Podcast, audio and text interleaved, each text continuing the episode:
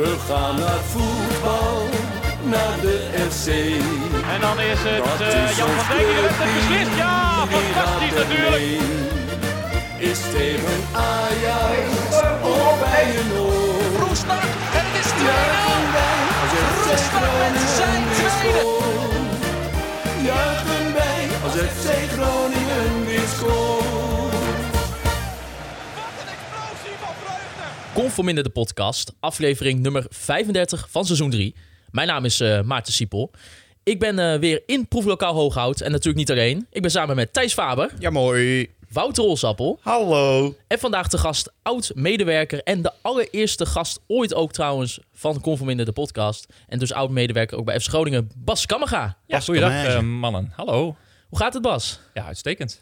Want als we even überhaupt ook terugkijken, hè, jij was de allereerste gast ooit van Conforminder de podcast.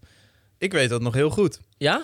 Ja, want eh, jij was er nog niet, Maarten. Eh Hols was er überhaupt niet die dag, want die, zat, die was toen nog niet eens host bij ons, officieel. Ja, En, eh, eigenlijk was Wouter ook de allereerste echte gast. Ja. maar ja, Toen, toen moest ik in mijn eentje die studio klaarzetten, weet ik nog wel. En jij was er al. En eh, nou, ik had jou nog nooit eh, ontmoet of zo. En, eh, dus ik die studio klaar, maar dat lukte steeds maar niet. En ik voelde me daar zo kloot over. Want ik denk, die, die Bas die is helemaal van zijn werk gekomen. Om Helemaal naar hier, eh, Zernike. Helemaal naar de Zernike campus. En toen heb ik eh, inderdaad Oog Radio voor een Ik zal je kortstondig moment eruit gegooid. Jij zat in de auto. 200 meter hier vandaan zat ik in de auto. We reden op het Emmaplein, of op het Herenplein moet ik zeggen. En eh, eh, ik zat aan, de- in mijn eh, telefoon, eh, had ik Thijs. Wacht, ik doe nu de schuif naar beneden. Ja. Hoor, hoor, hoor je dan wat? Ja, ik zo, ja, nee, dan nu gaat de radio uit. Ja, want jij in de zat auto, had- Radio. In de auto hadden wij Van ook radio aanstaan natuurlijk. Ja, dus, Dus- toen had ik de verkeerde knop. Maar Ja. toen hebben we iemand Maar, in we hebben Hilversum gebeld. We en hebben toen- geen, verder geen klachten gehad, dus eh, Nee. ik denk niet dat iemand het gemist heeft, dat stukje. Nee, dat kan ik me ook niet voorstellen. Ja, er zijn natuurlijk wat mensen die af en toe per ongeluk de radio aan laten staan. En dan heb je inderdaad Oog Radio voor, maar eh, goed. nou ja. En, en Bas, ja, toen was je dus de gast eh, Ja. Bij ons in de podcast. En eh, uiteindelijk ben je ook je eigen podcast begonnen. Jerusa Radio over Donar. Yes. Ehm, nu ook al echt heel veel afleveringen al onderweg. Een stuk of dertig of zo Ja, al? we zijn bij de 30. Ja, en eh, hoe, hoe vind je het zelf om te podcasten? Ja, hartstikke leuk. Natuurlijk samen met, eh met Klaas-Jan. En eh, ja, het is elke week weer een feestje. Ook omdat we nou, hier in deze, ditzelfde proeflokaal Hooghout mogen Ja, zitten. onder de vlag van een geweldig bedrijf. Ja, ja, ja. KVM Media. Ja. Topbedrijf. Maar eh, ik kan me voorstellen, wij, eh, het voetbal is nog doorgegaan Mhm. eh, natuurlijk dit seizoen. Ja, bij Donar was het anders. Hoe, hoe, maak je daar dan toch een podcast over? Ja, zeker. We hebben eigenlijk dus de maanden oktober tot en met december gebruikt ja, nou, om de periode te overbruggen. Hè. Er waren geen wedstrijden, maar we hebben juist gezorgd nou, een beetje voor achtergrondinformatie. En juist door middel van leuke gasten toch elke week een, een mooie, mooie uitzending te maken. Ja. En dat is volgens mij wel aardig gelukt. En nou ja, eh, we gaan straks even doorpraten natuurlijk met jou Bas. Maar wij zitten even met twee telefoontjes. Ja, we gaan even snel doen. schakelen inderdaad. Ja, dat is, eh, Heel goed. het, het begon allemaal toen Qbus besloot om de bus van onze eh, kroegbaas hier, Klaas-Jan Teveen... laten we hem interim kroegbaas noemen. De echte Ja. kroegbaas natuurlijk Maarten Roorda. Die, die reed niet, die bus. En toen ging ons hele programma in de soep. Want wij zouden om, om half één Mark-Jan Vladeris bellen. Ja, Het, het is inmiddels één uur. Nou, maar ik denk... Alleen na Mark-Jan Vladeris bellen we nog iemand. Dus maar Ja, goed, we gaan nu eerst Mark-Jan Vladeris bellen. Oké. Over Peter Leeuwenburg. Hopelijk hè? neemt hij op, want hij drukt wel journalisten weg. Ja. Dit is echt spannend. Dit is altijd zo'n spannend moment, hè? Ja. Ja. Dat je... Wouter. hey, je zit in de... Kom veel minder de podcast, eh, Mark-Jan. Nou, gezellig. nou, dat klinkt wel weer meteen heel enthousiast. Eh Mark-Jan, wij enthousiast, bellen jou natuurlijk eh, vanwege ja, de nieuwe aanwinst, eh, doelman Peter Leeuwenburg. Ja. Eigenlijk onze eerste gedeelde vraag, ja, die is wat minder serieus. Maar had je daar echt tien dagen Zuid-Afrika voor nodig? ja, ik begrijp. Kijk, Zuid-Afrika is natuurlijk niet om de hoek. Dat is wat anders dan dat je in Zweden gaat of zo. En anderhalf tot twee uur in een vliegtuig zit. Ja, de vliegreis alleen al was, eh, was eh, 11 uur. En ehm, kijk, normaal eh, gaan we wel ook met, met een aantal afgevaardigden van scouting en spelen bekijken. En dan kom ik zeg maar vaak op het eind nog eens een keer om, een, eh, om, om, om live een, eh, een eh, idee erbij te krijgen. Eh, maar ja, bij Peter was dat natuurlijk mogelijk, want we zijn niet eerst drie keer vanuit scouting daar naartoe geweest. Dus we hebben de keuze gemaakt om en een hele trainingsweek te volgen en twee wedstrijden. Eh, want hij had eh, zaterdag en zaterdag twee keer een thuiswedstrijd achter elkaar.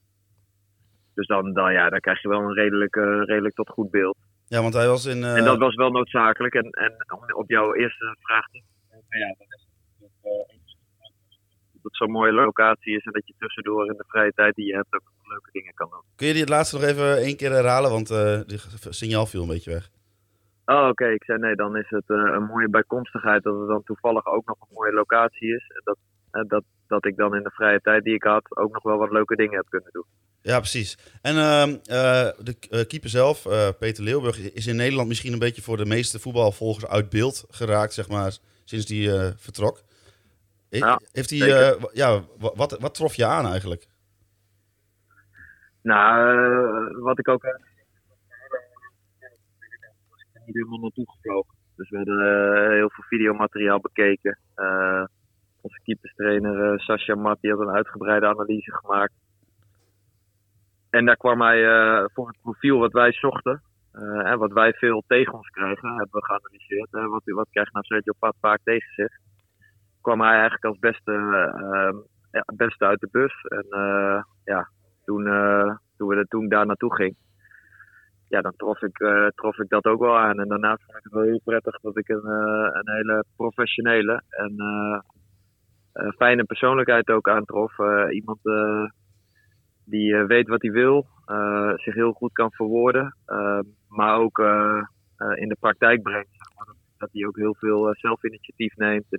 En ze hebben daar bijvoorbeeld niet zo goed georganiseerd, goed georganiseerde krachttraining als wat wij hebben. Maar dat, dat pakt hij ook voor een groot deel zelf op. Ja, dat, dat is wel eh, mooi om dat soort dingen te zien en te horen. Ja, en als je de reacties een beetje eh, pelt, Mark-Jan. eh, ik, ik heb zelf een beetje rondgekeken. Hij heeft een tijdje bij FC Dordrecht gespeeld. En ik moet zeggen dat de mensen in Dordrecht wel enigszins verbaasd waren dat hij deze stap gaat maken. Maar heb jij dan zoiets van, ja, jullie hebben hem de afgelopen drie jaar niet gezien, dus jullie weten niet waar je het over hebben? Of, of ja, hoe kijk je daar zelf Ja. tegenaan? Nou ja, ik begrijp dat eh, heel goed. Alleen als jij eh, eh, met Peter praat en het achtergrondverhaal hoort, ehm, dan begrijp je heel goed zeg maar, dat dat destijds op die manier is gegaan. Dat had meerdere factoren. Dat had een, een privéfactor. Dat had hij ook de documentaire van Paradijsvoetballers verteld. Dat in die periode was zijn vader overleden en daar had hij, had hij het heel erg moeilijk mee. Eh, en daarnaast inderdaad wat je zegt, ja, hij is inmiddels drie jaar verder en heeft drie jaar op een eh, zeer be- behoorlijk niveau is hij eh, een van de beste, misschien wel de beste keeper van Zuid-Afrika geweest.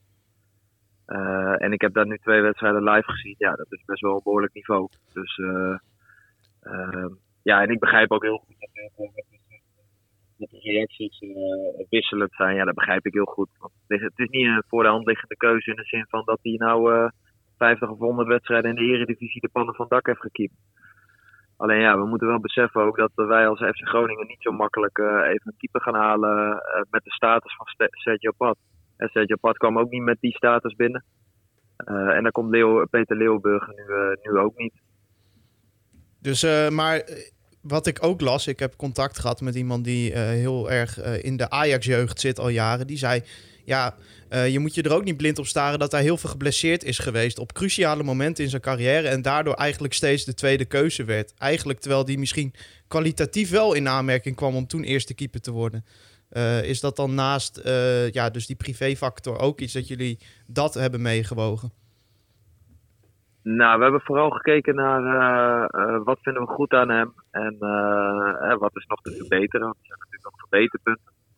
Wat hebben we nou de laatste jaren gezien? En, en ja, weet je, wij weten ook dat hij een paar vervelende blessures heeft gehad. Maar dat is allemaal inmiddels vijf jaar geleden. Is hij geopereerd en dat is daarna helemaal goed. Hij heeft nu drie jaar lang gewoon op een goed niveau gekiept en, en zijn kwaliteiten getoond. Ehm, en eh, ja, natuurlijk nemen wij mee wat je net zegt, hè, dat er in het verleden in de jeugd bij Ajax dat hij eh, een heel goed talent was. Van altijd in Nederlandse jeugdteams heeft gekiept. Maar dan in de fase dat je het echt moet gaan laten zien, heeft hij het niet kunnen laten zien. En dat is ook iets waar ik met hem over gesproken heb. Van ja, je, hebt denk ik wel geluk dat je eh, met onze club treft die, eh, die ook wel een beetje buiten de kaders durven te denken. Want ik denk niet dat heel veel clubs eh, dit aan zouden durven met, eh, met jouw cv op dit moment. Nee, wat dat betreft wel want- lekker dat je tien dagen de tijd had. Ja, ja, ja. Dit is ja, ook zeker nee. hoe jij de onderhandelingen start natuurlijk met zo'n opmerking. Maar- nee, maar goed, eh, dat, dat helpt wel mee natuurlijk, ja. Maar eh, hij is dus gehaald als de, als de vervanger van Sergio Pat. Eh, wat betekent dit voor Pecco Nino, voor eh Bradfight? Ja, kijk, ik wil niet zo. ik, ik vind het niet zo passend om uh, of zo te praten. Ehm, kijk, wij halen hem gewoon binnen en wij vinden hem keeper. Ehm, maar er zal ook nog eh, een keeper met hem moeten gaan concurreren, sowieso. En, en, en er moet nog een, eh, een derde keeper bij komen. Nou, meestal hebben we de positie van derde keeper wat, wat proberen we wat jongere, talentvollere jongeren te halen. eh, Die, die zich eventueel op kan gaan werken. Ehm, maar ja, er zal zeker nog iemand bij komen die die concurrentiestrijd aangaat. Ja, en wie dat is uiteindelijk niet aan mij. Daar praten wij en discussiëren uiteraard wel over. Maar Danny die maakt er eh, met zijn staf uiteindelijk de keuzes in. Ja, en je hebt er in Kerkrade ook nog één lopen natuurlijk. Zeker, we hebben eh, Jan eh, natuurlijk in Kerkrade en die volgen we goed. Eh, of daar te zitten of een analyse te maken over hoe die heeft gekiept. Ehm, dus ja, goed. en, en wat betreft Pecco, de vraag die je net stelde, die heeft nog, daar hebben wij nog een, een optie op tot en met juni. Ehm, nou ja, op dit moment is de status van hem niet zo dat hij nou eh, een, een onnavolgbare indruk maakt op de trainingen. Ehm, maar ja, hij heeft ook wel bepaalde facetten die wel goed zijn. Hij kan bijvoorbeeld eh, behoorlijk tot goed meevoetballen. Eh, en ja, we zullen de komende periode ook gebruiken om daar een ei over te leggen. Of we zeggen van joh, we laten die twee met elkaar de concurrentiestrijd aangaan. Of we halen Jan Hoekstra terug. Of we halen nog een andere keeper erbij. Eh, die, die- dat ligt wat dat betreft nog open.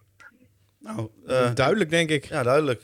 Verbinding was soms een beetje... Ja, ben eh, ik duidelijk? Ja, verbinding was soms een beetje blikkerig, maar eh, dat, eh, dat moet de luisteraar maar eh, accepteren. hey, eh, dankjewel dat je ons even eh, te woord wilde staan. Ja, En nog een jullie, eh, gezegende zondag eh, gewenst. Ja, veel plezier in de kerk. Ja, hetzelfde. hetzelfde. En Zien nog- elkaar eh, snel weer. Is goed. Oké, hoi. Hoi. Inderdaad, eh, technisch eh, directeur Mark-Jan Verderes over eh, Peter Leeuwenburg. Ja, en dan hebben we nog iemand om te bellen Ja. rondom deze transfer. En eh Hols, dat heb jij geregeld. Ja, Ja, nou ja. de, de protagonist in dit hele verhaal. Hij is, hij is online. Peter Leeuwenburg, hij is online. We bellen hem op.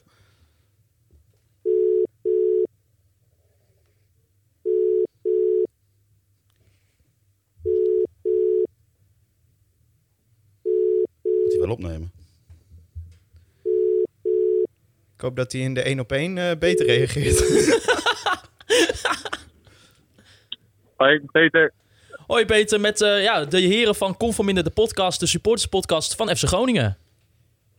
Ja, goedemiddag. Allereerst eh, welkom eh, bij deze prachtige voetbalclub. Ja, dankjewel. Hartstikke blij mee. Als we even eh, kijken, Peter, eh, eh, hoe is Groningen met jou in contact gekomen en wanneer? Nou, dat begon eh, denk eind januari, begin februari. Heeft, eh heeft de club contact gezocht met mijn zaakwaarnemer, omdat ze natuurlijk een, opzocht, een opvolger zochten voor Sergio Pat. nou, daar hebben ze, voor zover ik weet, eh, een aantal keepers voor bekeken. Daar een shortlist van gemaakt en daar was ik er één van. Dus toen al eh, is contact gelegd vanuit de club of ik daar eventueel voor open zou staan. En nou hebben ze laten weten dat ze me gingen volgen. Dus zo is dat een tijdje doorgegaan. En in eh, ja, eind maart is dat eigenlijk in stroomversnelling gegaan. Waren ze eruit dat ze voor mij wilden gaan. Mark-Jan Verderes naar Zuid-Afrika gekomen om mij te bekijken en om met mij in gesprek te gaan. Nadat ze al eh naar tientallen wedstrijden van mij hadden gekeken op beeld. Ja, en toen, nou, afgelopen week, een contract getekend. Ja, veel supporters waren toch wel verrast rondom jouw naam. Ik denk dat je was voor, voor de grote deel van de voetbalsupporters was je misschien een beetje uit beeld verdwenen.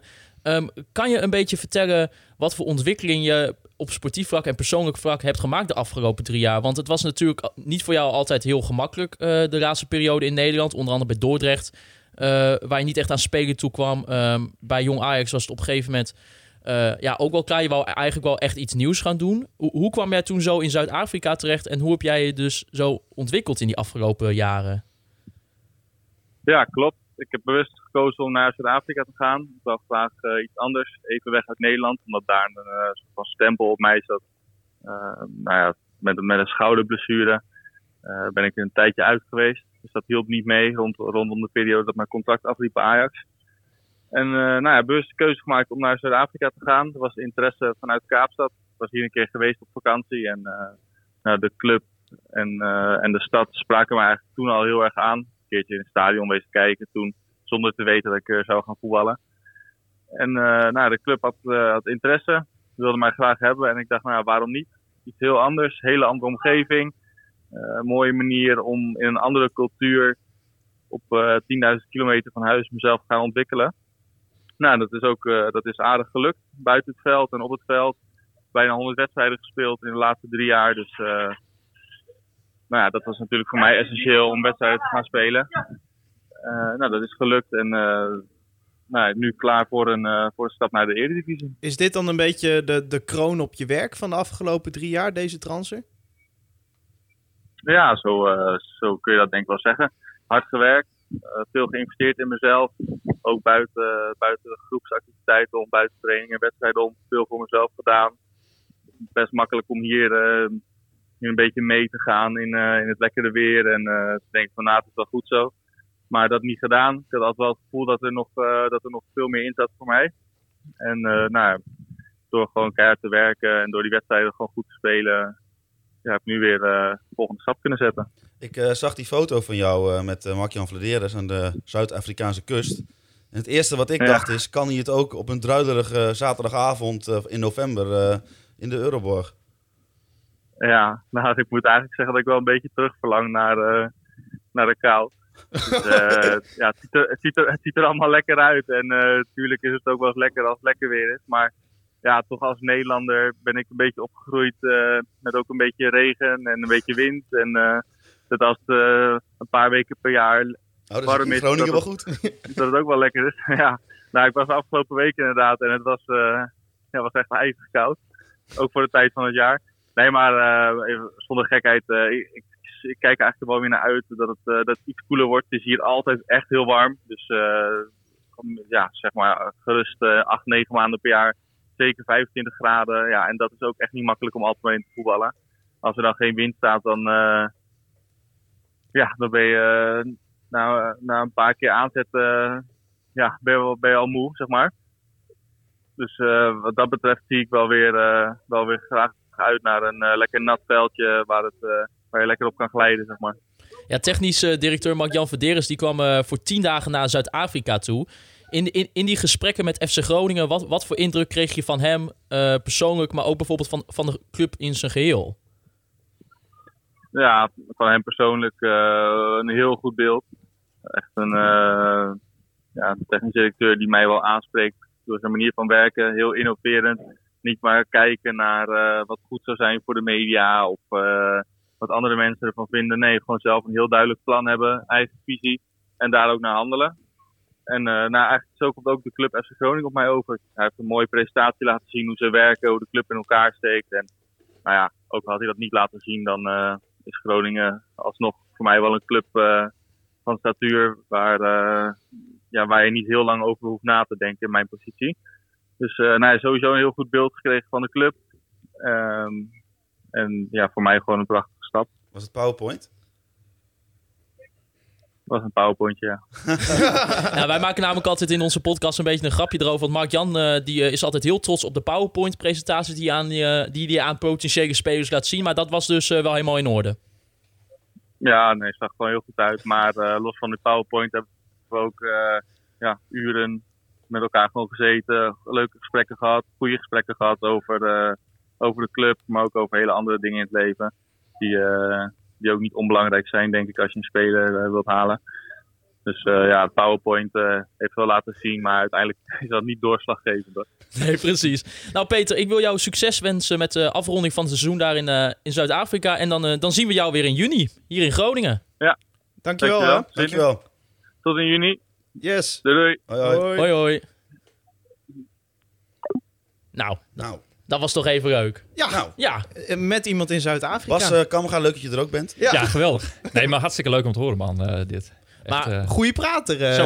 Ja, prima praten. de verbinding met Kaapstad, want dat hadden jullie nog niet vermeld. eh, die was beter dan, eh Ja. dan naar Elderwolde. Dan ja. En, en er was heel... ik denk eh, dat, eh dat eh, Freddy weer in zijn schelkelder zat. Ja, dat zou wel Ja, kunnen. die Of is hij is net- ah, ergens weer op naar, naar vakantie voor tien dagen. Misschien zat hij in Siberië. Je weet het niet, als daar een leuke speler op te halen is. Hij ik zo reed meteen een elke- gigantische telefoonrekening. Hij reed elke keer onder een tunnel door, volgens mij. Dat was weer... Was wel, was wel eh, goed luisteren, maar dan was het wel wat van te maken. In Toch? zijn safe room, ja. hij nam ook zo op. Ik denk, ja, hij is natuurlijk tien dagen heerlijk in zo'n tropisch oord geweest. En zit je nou weer thuis op de bank. Ja, dan Ja. snap ik wel dat als, als vier van die mafkezen bellen, dat je dan zo opneemt. Moet je ermee? Ja. Eén ding vond ik wel heel opvallend. eh, dat eh Leeuwenburg eh, op een shortlist stond. Terwijl hij toch over de twee meter is. Ja, dat is allemaal Bas. We weten wat we met Bas op Ja. uitnodigen. En dan, Ja. ja. Maar het is wel het eerste wat ik dacht toen ik die foto zag. Ja, is, die foto moeten mensen even opzoeken. Er staat eh, eh, voor mij ook op de Twitter van eh Ed Fleddy. Dat is een geweldig uitzicht. Ja. ja, dat is dus zijn huis, kwam ik achter toen ik zijn Instagram ging. Ongelooflijk. Ja, maar dat, ja, weet je, ik vind Groningen een geweldige stad. Maar zulke uitzichten ga je hier niet krijgen, eh, natuurlijk. Nee, Nee. nee. Maar Bas, we wouden het ook even over jou hebben. Ehm, het is natuurlijk voor...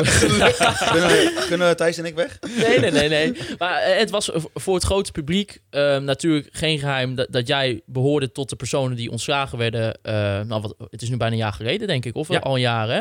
Eh, nou, 11 mei was het. Ja, precies. Nou ja, de, inderdaad bijna een jaar geleden dat dat gebeurde. Eh, jij, hoe lang werkte jij überhaupt eh, bij FC Groningen al? Ja, 20 jaar alweer. Jezus. Dus eh, dat is een hele periode. En daarvoor eh, was ik overigens ook al eh, zeg maar als vrijwilliger eh, betrokken bij de club. En eh, daarvoor ook bij de, bij de supportersvereniging. Dus eh, ja, dat is een enorme tijdperk geweest. Viel je ook een beetje in een zwart gat toen? Eh, nee, eigenlijk niet. Nee. Nee, want we, we hebben elkaar wel gesproken daar kort Mhm. ook na. Toen zeiden wij al tegen elkaar van, nou, je stond er heel positief in. Volgens mij heb je een, eigenlijk een aantal dagen nadat je de mededeling kreeg ook meteen je seizoenkaart verlengd. Ja, ja, ja, absoluut. Ja, want eh, kijk, eh, ik heb ook wel gezegd van... eh, ja, je kunt het mannetje wel uit de club houden, maar de club niet uit het mannetje. Nee. Dus eh, nou, ja, dat, dat, dat, dat geldt ook zo. Hè, en ik, ooit ben ik eh, in 2000 gevraagd om eh, bij de club te komen werken. En eh, ja, nu zat mijn opdracht er, erop. En eh, ja, nu ga ik weer verder als eh, supporter. En wat Ja. deed je eigenlijk bij FC Groningen in die 20 jaar? Ja, ik was communicatiemedewerker. Ja, maar dat was zo'n saai woord. Ja, het heel, heel Maak het saai even woord. spannend. Ja, heel spannend. Nee, maak even spannend. Wat ik, eh, wat ik heb gedaan, eh, ja, ik eh, heb geschreven voor de website, programmaboekje, FC Groningen krant en, en al die andere dingen die er nog bij komen. nou ja, met mijn interesse voor de historie, voor spelregelwijzigingen en al dat soort toestanden. Dus maar eh, ja, het is ooit begonnen in 98 toen ik eh, naar de club achterna ging reizen voor uitwedstrijden om eh, vrijwillig, als vrijwilliger verslagjes voor de website te schrijven. En in eh, 2000 na de promotie, ja, toen werd mij een contractje Dus aangeboden. Had FC Groningen in 1998 al een website? Ja, 97 zelfs al. Zo. En daar was ik met een aantal andere jongens niet echt zo tevreden over. Tenminste, niet over de, over de content. Dus wij dachten van, nou ja, dat kunnen wij beter. En met een commissie vanuit de sportsvereniging hebben toen een plan gemaakt. En eh, die hebben we gepresenteerd aan, eh, aan Hans Nijland en Erik Mulder. eh, de- destijds de directie. En ja, die zeiden van, nou jongens, als jullie dit allemaal zo goed denken te kunnen, ga maar aan de slag. En, maar jij bent dus na de promotie in 2000 ben jij in dienst gekomen. Ja. Dus jij hebt eigenlijk die hele transformatie van naar het nieuwe stadion toe, de promoot of eh, de, het Europese voetbal weer terug, Fiorentina uit. Die hele periode heb jij meegemaakt. Ja, van binnenuit. Ja, dat is Maar waarom schrijf jij nog geen boek daarover? Nou, ik ben, tegenwoordig schrijft iedereen een boek over Ja. alles. eh. ik, ik, eh, daar ga ik ooit nog wel eens een boek over schrijven. Ik ben eerst met een ander boek bezig. Oh, oh. Ja, ja, ja. Hoe is dat dan? Een donarboek, toch? Ja, klopt. Ja, ja. De, de, de ontstaansgeschiedenis van de, van de basketbalclub Donar. Hè, een beetje de bestuurlijke geschiedenis. Dus daar interview ik wat mensen die door de jaren heen daarbij bij betrokken zijn geweest. En hoop ik eh, in, eh, in november eh, af te ronden. En ja, maar over Groningen heb ik ook nog heel veel te vertellen. Maar, maar ja, dat leek me zo kort op het, het einde van mij als, als werknemer daar. Die ook Ja. iets, iets te kort dag om daar iets mee te doen. Maar ik heb meer Lijkt dan bijna voldoende- een afrekeningsboek wordt het dan. ja, nou ja, kijk, da- daar is sowieso, geen sprake van. Want ik heb hartstikke veel echt hele leuke dingen meegemaakt... waar ik ook zeker nog iets over kan schrijven. Waarvan sommige dingen ook nog even een paar jaar moeten wachten... voordat ik ze kan opschrijven. zodat eh, de andere betrokkenen daar eh, geen schade meer van eh, gaan ondervinden. Dus, dit wordt een topboek, Bas. Echt ja, waar, dit dat, wordt een dat topboek. wordt nog wel leuk. Maar goed, dat, dat, dat, dat wat in het vat zit, verzuurt niet. En ja, ik heb nu een mooie vingeroefening om te kijken... wat er allemaal bij komt kijken om een boek te schrijven. En dat is nog hard werken, moet ik ja, zeggen. want je bent vrij kort nadat je ja, je dienstverband bij FC Groningen eindigde, ben je als freelancer begonnen. Ja. Ehm, ik kan me nog herinneren dat je dat bekend maakte op je LinkedIn, op je Facebook en zo. eh, en dat daar zo onvoorstelbaar veel reacties op kwamen toen. Ja. En eh, is, was dat dan een beetje zo'n indicatie van, oh ja, dit is eigenlijk wat ik in de afgelopen twintig jaar ook heb opgebouwd? Al die contacten. Ja, ja, zeker. En dat is nooit eh, natuurlijk bewust geweest met het doel van om, om daar later iets aan te hebben. Helemaal niet. Maar ja, dat is wel een voordeel ervan geweest, absoluut. Want ik heb eh, ja, heel veel contact in al die twintig jaar ja, in, in de hele, hele voetbalwereld, sportwereld. Kijk, ik ben nog breder geïnteresseerd dan alleen, eh, alleen voetbal. En, en ook juist nog meer geïnteresseerd dan alleen wat er op, het, op dat veld gebeurt. Maar juist ook de achtergronden en, en eh, nou ja, het hele, de hele supporterswereld. eh, ja, dingen als ticketing, eh, dat soort zaken heeft ook allemaal mijn interesse. Ja, dat, en dat, op dat moment merk je wel van... hey, oh ja, al die mensen ja, die hebben me wel gevolgd, zeg maar. Terwijl ik ja, normaal gesproken altijd meer van iemand op de achtergrond was. Ja. Hè, tu- Tuurlijk kwam ik wel eens in de, hè, bij, bij jullie in de podcast bijvoorbeeld... maar ik, ik wou liever niet op de voorgrond.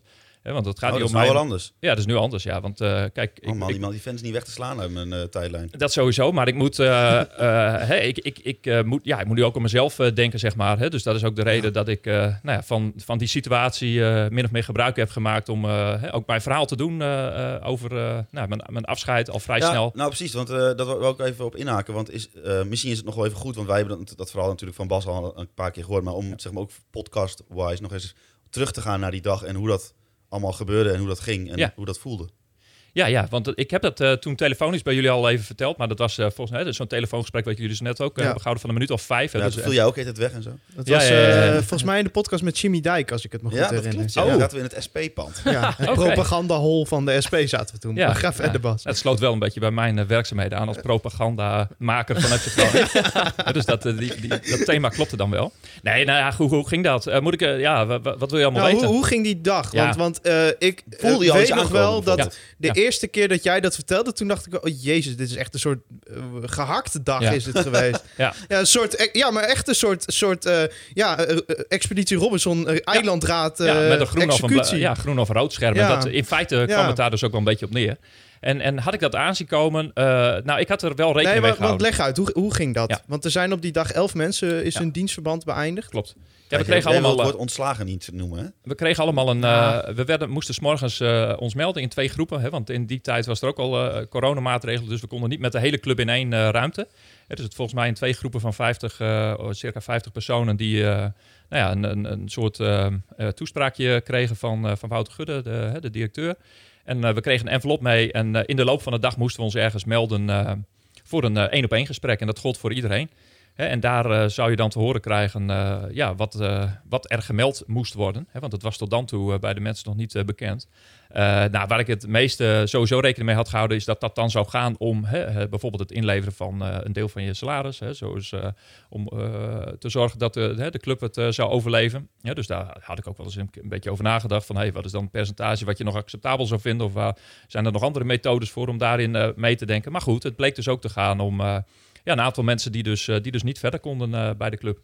En eh, ja, dat was eh, op zich ja, een hele ja, bijzondere gewaarwording. Hè? Dan kom je zo'n eh, zo'n ruimte binnen en daar zitten dan Wouter Gudde, Wim Ensinger en Edwin Vroma. En die, ja, die komen met die, met die boodschap. En nou ja, dan drink je nog even rustig je glaasje water op en dan stel je een aantal vragen. Althans, ja, ik stond er heel nuchter in. Dat was, vo- vonden zij ook weer heel bijzonder. Hè, want het is toch iets, ja, hè, waar, waar zijn we, ongetwijfeld, hè, hè, dat is een hele voorbereiding geweest, dus daar zijn er al langer mee bezig. Ja, hoe gaan mensen dan reageren? Ja, en ik reageerde niet echt zoals ze hadden verwacht. Want eh, ja, ik, ik was nog, ja, eigenlijk dacht ik eigenlijk misschien nog wel te veel weer in het belang van de club mee. Ik denk van, oh ja, hoe gaan we dat dan oplossen? Ja. Dat soort dingen. Ehm, maar goed, eh, ja, die boodschap was duidelijk. Nou, toen heb ik een beetje rondgelopen eh, rond, het, rond het stadion eigenlijk. eh, ehm, oh nee, nee, sorry, dat was voor die tijd. Hè, de, want om 11 uur had ik dat gesprek. Dus zeg maar tussen 9 en 11 heb ik even een rondje gemaakt over het Europa Park.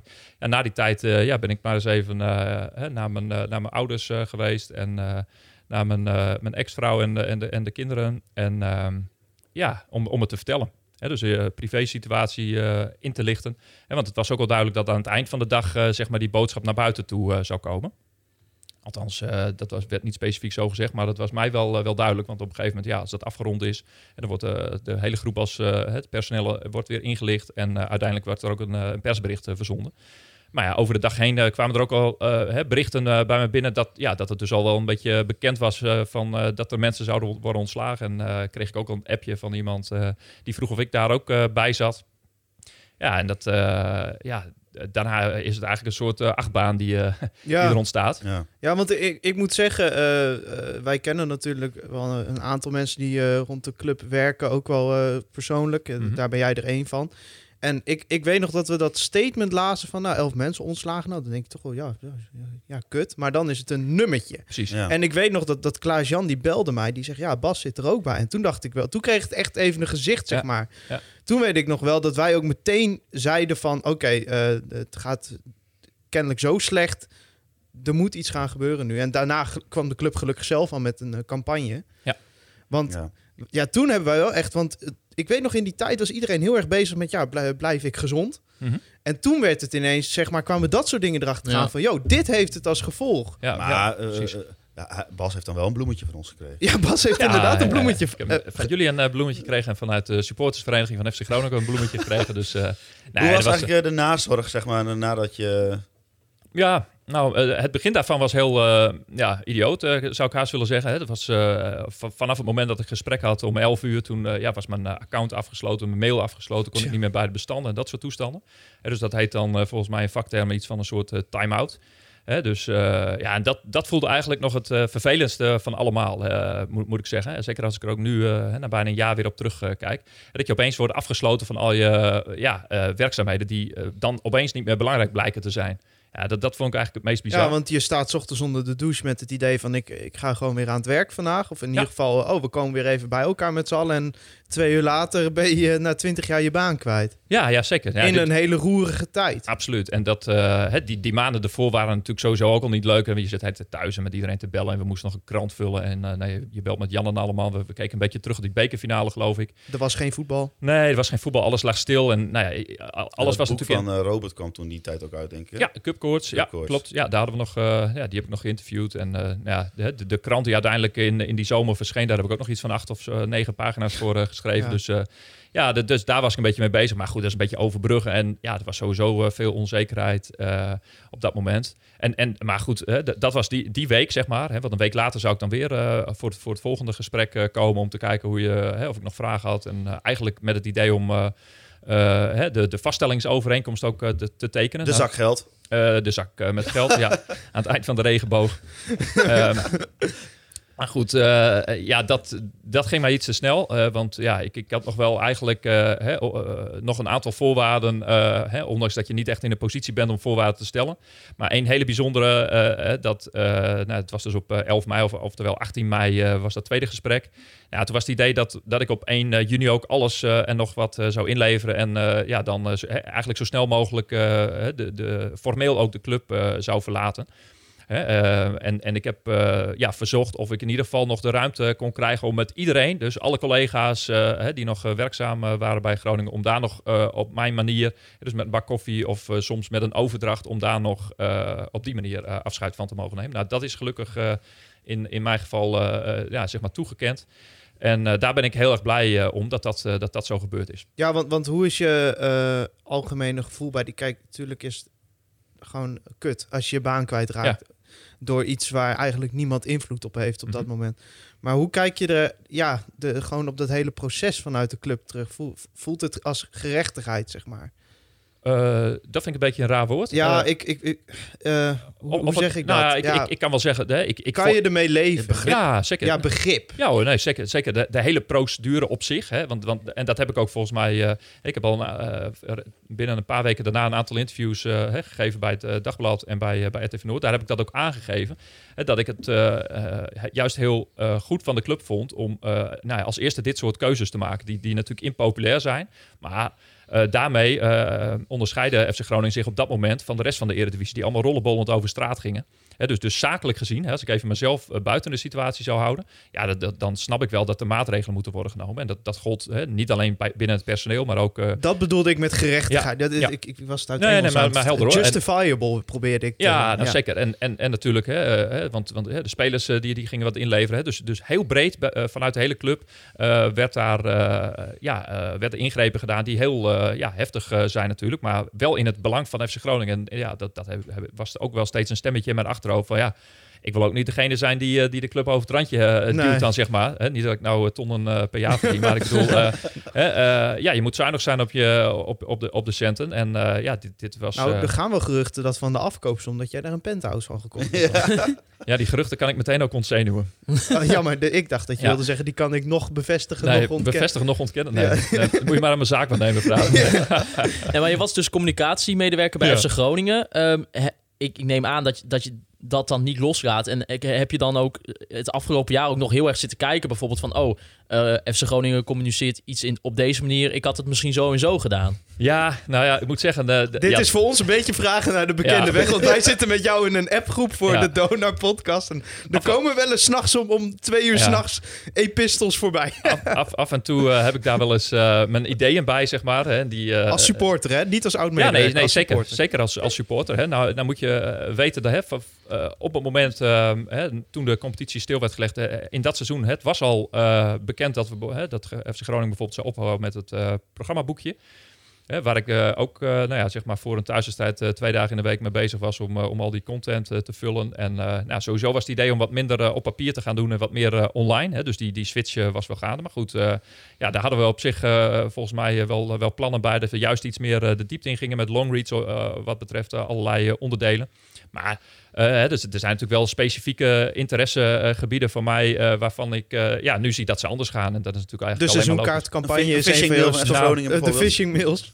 Nou, kijk, de phishing mail, ja, ja. Die, die, die ene mail die jullie eh, benoemen, hè, het eh, omzetten van je account, eh, van een oud account naar een nieuw account. En dan weer en een soort loop eh, die je daaruit Ja, kan maar lezen. Bas, je kunt het nu wel nuanceren, maar Ja. dan zit jij in die appgroep schuimbekkend berichten te typen daarna. Ja, ja en dat, maar, dat, en maar, dat, maar dat doe ik niet eh, om... om eh, hè, eh, Om af te geven. Nee, Nee, dat doe je als supporter. Ja, zeker, Nee, want- want ik abs- vind het- absoluut. Dat onderschrijf ik ook aan, aan de inhoud. Dat is echt niet eh, Want- schoppen naar de mensen die er nog wel zitten. Nee, nee maar, maar, maar dat, is wel, hè, dat is wel iets eh, ja, waarvan ik dan kan zeggen dat dat wel eh, verloren, is, verloren is gegaan. Want ja, eh, deze mail zou- er op die manier nooit eh, uit zijn gegaan eh, ja, als, ik, eh, als ik daar nog invloed op zou hebben gehad.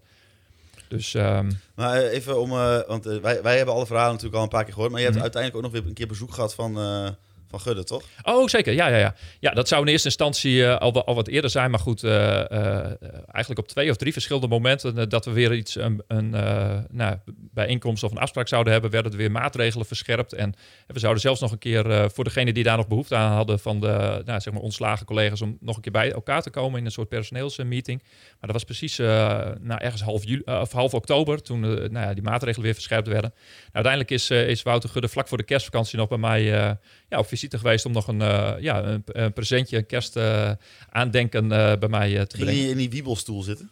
Nee, nee, niet in de schommelstoel. Nee, nee, hij, zat, eh, hij zat op een roze bank. nee, eh, ja, en hij had een, eh, hij had een mooie shirt eh, bij zich voor, eh, voor mij met eh, ja, de handtekening van de selectie en eh nou, 20 jaar dienstverband. Dus eh, ja, dat was, nog een, eh, dat was nog een mooi aandenken. En dat was, eh, ja, toen hebben we nog even bijgekletst onder het genot van een eh, smoothie van de Smooth Brothers natuurlijk. hè. Ja, ja. Dat, zo is hij dan ook wel weer, hè? Ja. Ah, jij had toen natuurlijk net de afkoopsom binnen. Dus Ja, toen, ja, eh, toen komt konden we dus een snoepje ja. af. Ja. Ja, die, die stond op de rekening, dus... eh, En we kregen ook luisteraarsvragen voor je binnen, Bas. Zoals onder andere eh Ra Laurens eh, Valentin, bekend van, eh, van FCG Stads. Eh, die vroeg, ik ken Bas al een tijdje. Dat begon bij de onvrede over de allereerste FC Groningen website. Eh, nou ja, ben ik wel eens benieuwd. Wat was de onvrede rondom de allereerste FC Groningen website? God, ja, dat is al heel, heel, heel lang geleden. Eh, nou, en ik, ik moet het jaartal eh, ook even een beetje schatten. Ik denk dat in eh, 2001 of 2002 dat ik een keer met hem heb eh, afgesproken. Hij was toen eh, volgens mij woonachtig in eh, Lisse. En hij is eh, een van de eh, supporters die dan eh, eigenlijk het hele land eh, doorreist om, eh, om thuiswedstrijden te bezoeken. En ook vooral eh, de uitwedstrijden in, in zijn eigen eh, regio van Zuid-Holland eh, meepikt. Eh, nou, toen spraken we af in eh Sally O'Brien's. En ehm, ja, eh, om eens te bespreken van hey, wat hij voor tips en tricks had voor, eh, voor de... Dus in Zwolle, toch? Eh, het in Groningen ja, toen in de Oosterstraat. Oh. Zo heet elke? Ierse Ja, ja, zoiets. Maar goed, Ja. in ieder geval eh, niet die op het Kattendiep, maar in, het, in de Oosterstraat. Er zijn er ook eh. nog meerdere in de stad. Ja, Ja. precies. Ja. Maar ja, goed, nou, we spreken over twintig jaar geleden, dus eh, of, of die er nu nog zit, ik zou het niet eens weten. Maar eh, om terug te gaan naar de, naar de vraag. ehm, eh, ik had altijd al het idee om de eh, hele eh, eh, statistische historie zeg maar, van FC Groningen online eh, te zetten. Nou, en hij had daar een database voor gebouwd. En wij hadden al die gegevens eh, verzameld. Dus dat was eigenlijk het, het startpunt van nou ja, FCG-stads, zoals we die nu nog steeds kennen. De bijbel voor elke FC Groningen quiz maken. Ja, voor, de, voor de alle quizmakers. En, eh, en ook een, eh, ja, iets geweldigs. Hè, want na, na 20 jaar zijn er nog maar heel weinig andere clubs die ook eh, zoiets nou ja, Ja. open source of helemaal compleet op internet hebben staan. En, en wordt nog steeds doorontwikkeld. Want ik geloof dat er deze zomer ook weer een mooi iets aan zit te komen. Nou, daar hebben we toen de hele middag over zitten, zitten te praten. En ehm, ja, eh, van, van met, met die adviezen ben ik binnen, binnen FC Groningen ook weer verder gegaan. Want, want ja, een website, dat is ook zoiets, dat moet elke, eh, eigenlijk elk jaar eh, vernieuwd worden. Maar in, in die afgelopen twintig jaar heb ik denk ik nou, te maken gehad met zes of zeven verschillende websites. En ja, dat blijft maar doorgaan. En het was in een tijd dat je nog geen social media had. Dus mensen, als ze informatie wouden, ja, dan waren ze toch wel afhankelijk van die website. waar de club zijn eigen verhalen op kon, kon zetten. Ja, hij noemt jou ook de cijferkoning van FC Groningen. En hij vraagt zich af of dat cijferfanatisme er eigenlijk nog is. Ja, zeker, zeker. dat is niet, eh, niet opgehouden. Ik, eh, ik blijf alles eh, bijhouden en op de, op de voet volgen. En ehm, ja, dat... ja, ja, dus. Zeker. Ja, want hoe- heb je ook een soort van eigen database met allerlei cijfers op je computer staan? Of heb je, heb je iets in mapjes? Wat, wat heb je allemaal liggen? Ja, nou ja, ja kijk, eh, eh, dat was een van de redenen om, om die website ook eh, zo aan te vullen. Want ik vind het eh, ja, een beetje onhandig als, als één iemand alles op zijn, eh, op zijn laptop heeft staan. Want ja, ik, ik vind juist altijd dat je dat soort dingen moet delen met, met anderen. Zodat anderen er ook van kunnen meegenieten of quizzen eh, van kunnen maken. Maar ik heb, moet ik zeggen, nog wel wat eh, Excel-sheetjes op mijn... op mijn eh, laptop staan van eh, bijvoorbeeld eh, de, de de toeschouwersaantallen, de bezoekcijfers van uitwedstrijden. ja, en alle rare dingetjes en beetjes. Dus, en, maar goed, ook die, die deel ik natuurlijk gewoon weer met het initiatief bijvoorbeeld Waar ook heen, hè, de, de Twitter-pagina voor de uitwedstrijden van, van FC Groningen. Nou, die, die, heb- hè, onlangs hebben we dat ook een beetje op elkaar afgestemd, zodat, zodat zij daar ook over de volledige historie van de, bijvoorbeeld de fantour en de bezoekcijfers van uitwedstrijden kunnen beschikken. Ja, dus eh, ja, dat cijfergek, eh, gekte, die blijft er wel in zitten, ja. Ja, en hij vroeg zich dan ook nog af, ja, hoe zit het nou met, met de focus op FC Groningen of Donau? Wat, wat, eh, is dat ook misschien ook veranderd? Dat je, dat je misschien iets minder FC Groningen volgt, omdat je er gewoon, ja, gewoon niet Nou, je meer maakt werkt? ook een podcast over Donar natuurlijk. Ja, en je bent zeker. voorzitter van de supportsvereniging Donar. Klopt, ja, dat is een van die ne- vele nevenfuncties eh, die ik, die En ik heeft ook heb. nog een seizoenkaart bij Gijs. Bij Gijs, ja, ja, ja, die ik al het hele seizoen niet eh, kon gebruiken, want ja, da- daar werd helemaal niks gespeeld. Ehm, ja, eh, kijk, ehm, eh, Groningen kost me nu hè, gek genoeg natuurlijk veel minder tijd. Hè, want daar, daar ging natuurlijk eh, behalve de hele werkweek ook nou ja, daar rondom nog heel veel tijd en, en beschikbaarheid, hè, of, of mentale beschikbaarheid bij zitten. Dus ja, ik, ik kan het nu wat meer op, elkaar, op elkaar afstemmen. En eh, ja, de interesse bij, met Groningen is nog steeds. Ik heb alle wedstrijden gezien. Hè. Eh, ik ben in het stadion geweest op momenten dat dat kon. Eh, de rentree van Robben op de tribune gezien. En daarnaast ja, volg, ik, volg ik Donar nog net zo intensief. Ehm, maar zijn er wel ook dit jaar weer meer ontwikkelingen hè, rondom Donar. Ehm, ja, waar ik nu meer tijd in kon steken dan, dan in de jaren ervoor toen ik nog bij, bij Groningen werkte. Als je moet kiezen, Hm? Donar of FC Groningen? Van wie moet ik kiezen dan? Van mij. Van jou? Eh, dan, ja, dan Je mag nooit meer naar Donar of je mag nooit meer naar Groningen. Welke kies je dan?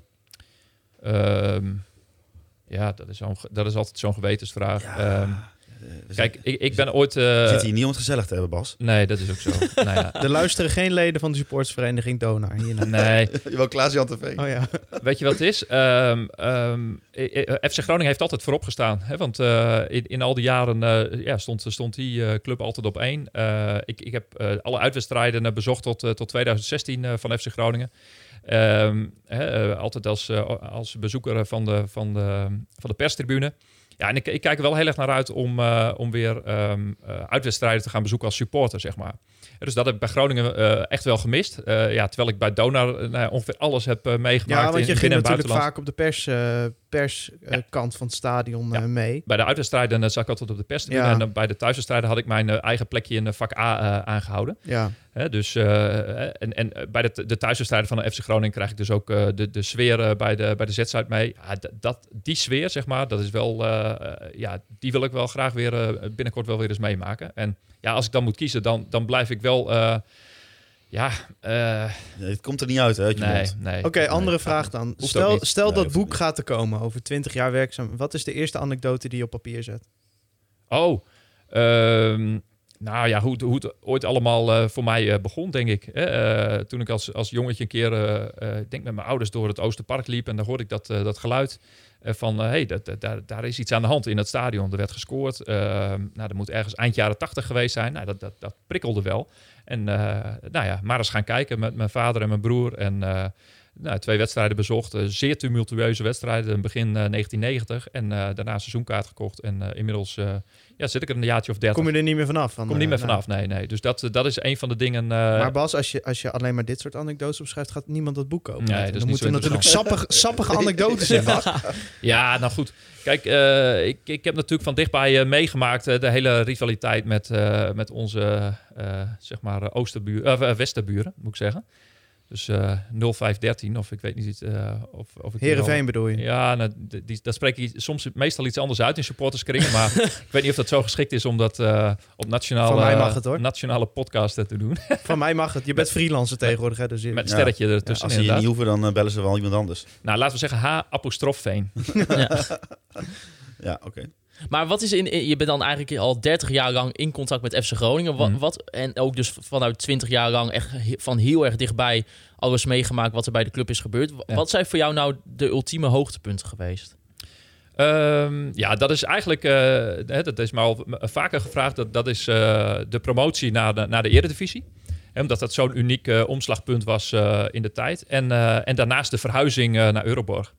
Toch wel. Hè? Dan zul je denken van, hé, maar waarom staat de bekerfinale daar niet in? Ehm, ja, dat, dat is zo voor de hand liggend. eh, het, het, was natuurlijk geweldig eh, dat, je de, dat je de bekerfinale wint. Want eh, zoals de trainer van de Lloyd destijds ook al zei... van ja, als je hem verliest wil je het nooit meegemaakt hebben. En als je hem wint is het eigenlijk normaal. Hè? Ja, goed. Ehm, maar de verhuizing naar het stadion, dat is... ja, zo'n markant punt in de tijd. Hè, de, de, de week van het afscheid uh, van het Oosterpark. En uh, ja, dan de ingebruikname van, van het stadion. Dat, ja, dat is ongelooflijk. uh, en ja, dat zijn tropenjaren geweest voor iedereen die, die toen bij de club werkte. En ja, daar denk ik met het meeste genoegen aan terug. En het succes wat daarna volgde natuurlijk. Ja, absoluut. Ja, nee, dat je weer Europees gaat, gaat Ja. spelen. Kijk, ik ben uh, nog uh, te jong zeg maar, om uh, de, de uitwedstrijden in de jaren tachtig uh, meegemaakt te hebben. Ik, ik, ik kan me herinneren dat ik de samenvatting van Partizan in uh, 89 uh, op tv gezien heb. En dan moet ik dus Jurovski gezien hebben, maar dat, dat uh, zei me toen uh, op dat moment nog niks. Ik heb wel de thuiswedstrijden uh, tegen Roodwas Erfurt en Vak Samsung gezien. Maar mijn eerste Europese uitwedstrijd was de, de Intertoto in Montpellier. nou ja, dat, was de, op, zich- dat is op zich al een heel mooi verhaal. Maar ja, dat is niet zo legendarisch als natuurlijk Partizan uit en, en Fiorentina uit. jij bent overal bij geweest. Uh, i- uh, ja, sinds, uh, sinds 2000 Ja. eigenlijk. Ja. nou, uh, ja, eigenlijk bij vrijwel alle wedstrijden. uh, Dit wordt een gigantisch boek, Bas. ja, kijk, eh, maar, maar, maar dan is het ook weer de vraag van... Ja, is het dan zo interessant om Ja, te lezen wat ik, ja, daar, eh, wat ik daar interessant. dan weer van vond? Maar ik, ik, ik, ja, ik denk dat ik ook nog wel leuke dingen te vertellen heb... Oh, eh, die, die nog niet zo eh, algemeen bekend zijn. Dus eh, Oh? Want, Ja. want eh, er is natuurlijk recent eigenlijk een boek uitgekomen... wat eigenlijk ja, van die 23 jaar Nijland... eh, heb jij er ongeveer 18 gezeten, denk ik, uit mijn hoofd. Ja, zeker. Ja, dus ja. jij hebt ook alles meegemaakt. Eh, ik Ja. zag ook, er kwam een luisteraarsvraag binnen. Ik weet niet meer van wie Ja, dat was. van Ferdinand. Wat staat er niet in dat boek? Nou, zijn vraag was net even iets anders. Hij zegt welk feitje Ja. in het boek klopt, Klopt niet ja. helemaal. Er- klopt het eh, twee, eh, twee dingen niet, echt Kijk. niet in. Twee feitelijke dingen. Die- Rectificaties. Ja, die zijn echt heel saai. Oh. Er stond, eh, er stond Ha- Harry van Wattem en die beste man heet Warry van Wattem. Ja, En er ja stond maar de- dit soort dingen, dit, Ja. dit zijn van die Bas Kammerga rectificaties. En, en die andere, dat is eh, hè, dat Suarez in, in 2007 naar Groningen kwam. Maar dat moet uiteraard 2006 zijn. hè, dus, ja, dus, hier schieten we niks meer op. nee, zo, nee, dus dat is echt heel saai. Hier gaan maar, we de headlines niet mee halen. Nee. maar ik, ja, eh, als ik een recensie moet geven, dat is een hartstikke leuk boek om te lezen. Maar ja, voor mij stond er natuurlijk geen nieuws in. Nee, ja, je bent er Eh, elke keer bij geweest. Dus sterker nog, als ik dat boek lees, dan eh, hè, dus, er zijn een aantal eh, eh, eh, figuren zeg maar, eh, geanonimiseerd. Hè, waarvan ik de naam dan, dan natuurlijk precies meteen kan invullen. En dat, is, dat, is, dat is wel heel erg leuk. En eh, ja, ik kan, alles, ik kan zeggen dat Hans alles eh, redelijk Maar zijn- waarheidsgetrouw heeft uh, er zijn denk ik niet heel veel mensen eh, waarvan hun dienstverband 20 jaar eigenlijk in een boek vast ligt, die ook nog in de bestsellerslijst staat. Nee, precies. Want dat maar, is bij jou wel het geval. maar weet je, kijk, eh, Hans die heeft het natuurlijk vooral over eh, hè, de, de transfergeweld. Ja, ja, dat, dat is iets... boerenbluff op de transfermarkt. Ja, klopt. Ja, Eh, maar dat, even, de wereld draait eh. doortje. dus Ja. ja. ja, nee, het is. eh, ehm, kijk, hij heeft het vooral over de transfers. En d- ja, dat is iets waar ik eh, normaal gesproken natuurlijk eigenlijk alleen maar in de eindfase bij Ja. betrokken ben eh, geraakt. Hè? Want, want eh, ja, over die hele onderhandelingen, ja, de, ik zit natuurlijk niet aan tafel. Ik heb wel eens wat eh asbakken inderdaad voorbij horen komen vanuit het kantoor van Nijland. En dan dacht ik, nou, wat is dit nou weer voor eh, toestand? Ja, dus, dus, dus daar hebben we wel eens iets van opgemerkt dat het eh, soms hard tegen hard ging. eh, hè, als dat in het stadion gebeurde. Maar het meeste is natuurlijk eh, ja, in, in het buitenland gebeurd. Ja, en dan is het eh, ja, wel heel mooi eh, hè, dat Hans in die hele periode, ja, dat we daar allemaal wel deelgenoot van zijn geweest op het moment dat dat allemaal eh, aan de hand was. Dus dat, eh, vandaar dat die eh, verhalen voor, eh, voor, eh, voor mij ook wel bekend eh, zijn. Ja, moeten we nu een... Mag, mag ik een Matthijs van Nieuwkerkje gooien? Ja. Op de Transmarkt ligt vanaf woensdag in de winkel bij de... Nee. Ja, hij is, Nee, nee, nee, nee, hij te bestellen bij de Bruna en dat soort dingen. Maar goed, eh, nu je het toch over boeken Ja, hebt. er ligt hier al de hele tijd een pak op tafel. Wat heb je zijn- allemaal mee? Ja, Ja, is dit nou? Ik, ik doe iets wat, eh, wat eh, Jacques Suiver in, in de Russo Radio heeft gedaan. Die had voor ons een, een cadeautje meegenomen. En ik was eh van het weekend een beetje, een beetje aan het opruimen. En ehm, nou ja, ik ehm, had eh, voor jullie alle drie eventjes een, een boek. eh, ja, oh, ik zie dat onderste boek is dat eh, van de Oosterpark. Ja, nou ja, die, je- die heb ik al liggen. Die heb jij Ja, dan- dan, neemt, dan neemt Hols of ik die mee. Nou kijk, dan is die eh, voor jou. Voor mij dus. Ja, want Oh, Oosterpark, wel, dat is meer voor Wout, Ja, van Wouter ik Stijn. want ik Wouter woon Oh, daar. nee, geef toch maar een maat. Oh. Geef maar een maat. Maar ik woon Want eigenlijk heb ik het helemaal anders bedacht. Oh, dus ik heb, oh. gewoon, eh, ik Oh. heb gewoon het verkeerde eh, cadeautje voor jou. Nou, ik, ik, ik, eh, hier heb ik nog meer van. Heb je het bonnetje nog? Want, eh, Ja, ik heb het bonnetje. maar heb jij, heb jij de Europese droom ook al? Nee, die heb ik niet. Kijk, kijk, kijk. dat, Nou, dat is je eigen boek. Dat had ik, ik, had, ah, ik had jou ingeschat dat je die nou juist wel zou hebben en deze nog Ah, niet. dan wissel je ze even om. Zijn allebei, ja, dus die, eh, die heb je dan nog van mij eh, te goed. Nou, als modekoning eh, van... eh Oh, heb jongen, ik voor jou deze? Ja, dat is goed. Moet even De voorlezen. mooiste want- shirts Ja. van de eer- 60 jaar eredivisie. Precies, nou ja, precies. Dan ben je bij mij natuurlijk helemaal bij het juiste adres. Nou, en deze, die zag ik, die, wat die eigenlijk in mijn kast doet, eh, weet ik niet. Maar met jouw eh, achtergrond als eh, Ajax-hooligan is deze misschien wel aardig. Ook, ging ook over een oud stadion. Marcel van. Hoof. Een mooi huis in een grote tuin. De geschiedenis van het Ajax-stadion De Meer. Nou, daar ben ik nog nooit geweest. Nou, die, Nee, precies. dat is mooi om, Dus de, dat is open, dan voor om jou. de open haard mee ik aan te zeggen, steken. de kachel Ja. moet ergens mee aan. Ja, dat is voor jou iets om Dankjewel, eventjes, op terug te kunnen blikken. Van jou, eh, jouw eigenlijke clubje. Ja, want ik heb, de- kijk, eh, dit boek is onder andere geschreven door Paul Zwevering. Die Ja. heeft mij dit boek al een keer ook Ah, gegeven. Dus ik, ik krijg vaker cadeautjes. Maar dat is wel eh, een goed teken dat mensen dus eh, jou dit soort boeken geven. Ja, Ja. dat betekent dat ze vinden dat ik een ontzettend gebrek aan historisch besef heb. Ja, dat, dat is ook zo. En dat is ook Ja. zo. Nee, dus maar jij krijgt van mij eh, de Europese droom eh, nog te Ja, goed. Want ik eh, moet hem wel in de wachtrij zetten, want ik ben momenteel een boek over een Noorse spits aan het lezen. een zekere Noorse Een nu al? zekere Noorse spits met FC Groningen verleden. Dat boek is toch nog helemaal niet uit? Ja, daar gaan de mensen wat later wel achter komen waarom wij dat nu al aan het lezen zijn. Ah, oké. Ja. En Bas, wat ik misschien ook wel eh, ook superleuk voor jou vond, is dat Eurovoetbal weer terugkomt. Juist. En voor- misschien ook even, we hebben een aantal, eh, we hebben best wel een groot aantal jonge luisteraars ook, die Mhm. misschien ook helemaal niet eens weten wat Eurovoetbal überhaupt is. Ehm, wat, wat is Eurovoetbal en wat is jouw rol daarin geweest en wat, wat is die nu weer? Ja. Ja, nou, dat ehm Eurovoetbal is een, eh, is een jeugdtoernooi. Hè, eh, voormalig eh, eh, A1-leeftijd. Hè, dus dat is zeg maar onder eh, 19 was het altijd. Eh, dat werd altijd gespeeld op de Essenberg in Haren. En dus in het Pickwick eh, stadion. En dat toernooi is van eh, 1977 tot eh, 2012 eh, eh, gehouden. Maar ja, dat is toen opgehouden te bestaan. Kijk, FC Groningen was daar altijd een van de, van de vaste deelnemers. In een ja, groot internationaal deelnemersveld van ja, clubs van eigenlijk over... ja, heel eh, topclubs van over Europa en eh, ja, Brazilië, Japan, ook Zuid-Afrika zijn er wel eens clubs gekomen. Ja, dat was altijd eh, met Pinksteren. En ehm, ja, ik ben daar ook als, als vrijwilliger wel bij betrokken geweest. iets in de communicatie te doen voor de website. En, en ook vanuit mijn rol als reporter voor, voor FC Groningen jeugd. En nou ja, dat is tien jaar geleden eh, verdwenen. En afgelopen zomer, toen ik eh, dus wat meer tijd kreeg, eh, heb ik eens gedacht van... hey, dit zou toch wel mooi zijn om, om dat weer eens op de kaart te zetten. Maar dat was toch eigenlijk voordat je bij Groningen wegging, had je dat al idee natuurlijk al een beetje in je achterhoofd. Ja, dat, dat stond sowieso al eens op, op, het, op de planning. Hè, want het is ja, gewoon juist voor FC Groningen een enorm, eh, enorme toevoeging zeg maar, eh, voor het, eh, voor het huidige onder 18 team om, om, om zo'n toernooi te kunnen spelen. En dit soort uitnodigingen met, ja, met, met, met topclubs vanuit heel Europa, die, die, die krijg je niet zo vaak. Maar goed, ik moet ook eerlijk zeggen, er gaat heel veel tijd in zitten als je, als je dat wil organiseren. Dus ja, het had bij mij geen prioriteit. Als andere mensen hadden gevraagd van, hey, wil je daar iets in betekenen? Ja, dan had ik waarschijnlijk wel gezegd van, ja, ik ga er niet heel veel uren in steken. Maar dat, die gelegenheid was er nu wel. En zo'n eh mooi eh, eh, rijtje mensen met wie je dat doet. Ja, ja zeker. Nou, ja, de- hoe het deze zomer begon is eh, onder andere hè, eh, John Schokker van makelaarij John Schokker. Die, was, eh, daar ook, die had dat idee ook in zijn achterhoofd. En die heeft een aantal mensen eh, bij elkaar gebracht. En eh, nou, uiteindelijk in het, eh, in het najaar hebben we een, een bestuur van zeven eh, personen eh, gevormd.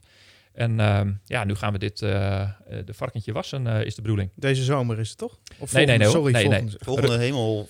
Het was Nee. altijd hemelvaart, het wordt nu Pinksteren? was nee, het was met eh, Pinksteren. Ja? Alleen, eh, nou, dat, dat is ook een van de redenen dat het destijds eh, lastig was om het te organiseren. Dat namelijk... nou, gelijk met het Ajax-toernooi, toch? Ja, bijvoorbeeld. Of, of met interlandperiodes, ja. met studieperiodes. het einde van het seizoen. Dus we hebben nu gekozen om in de laatste week van mei eh, 2022, hè, dus volgend jaar. Dus we hebben nog eventjes de tijd om het allemaal voor elkaar te krijgen. Om, om dat te gaan doen. En ehm, ja, de andere bestuursleden eh, zijn eh, Hans Nijland, Robert Klaver, eh Jacques Suiveer. ehm, Frank, Frank de Vries. Frank de Vries, Marike Panneman en Christa Aangenent. Dat zijn de, de zeven personen die het besturen vormen. Nou ja, en Dan heb daarnaast... je al zoveel eh voelsprieten in eh, de Groningse sportwereld. Dat, die hebben eh, opgeteld een aardig netwerk natuurlijk hè, in, in, in, de, in deze sportwereld. En in alleen de politiek ook. moet heel, ja, politiek, zeker Frank de Vries. Alleen moet wel gezegd worden natuurlijk, wij gaan het niet met, met z'n zevenen doen. En we hebben gemerkt dat er heel veel enthousiasme is hè, vanuit, vanuit de, de hele Groningse voetbalwereld. En dat er ook al tientallen mensen zeg maar, hun, hun hulp hebben aangeboden om als vrijwilliger weer dat toernooi op poten te gaan eh, zetten. Dus eh, ja, we hopen eh, binnenkort eh, dat we daar groen licht op kunnen geven en dat we kunnen doorpakken. Nou, ik denk ook dat het vanuit Conforminder ook bijvoorbeeld heel eh, superleuk is om bij dat toernooi misschien dan de FC Groningen team te volgen en daar een beetje de hele dag rond te lopen. Nou, wat dus wel grappig is, Er als is je op, genoeg te eh, verzinnen. ja. op eh, de YouTube van Oog staat nog een lange repo van de laatste, denk ik, in Mhm. 2012. 2012, ja. 2012.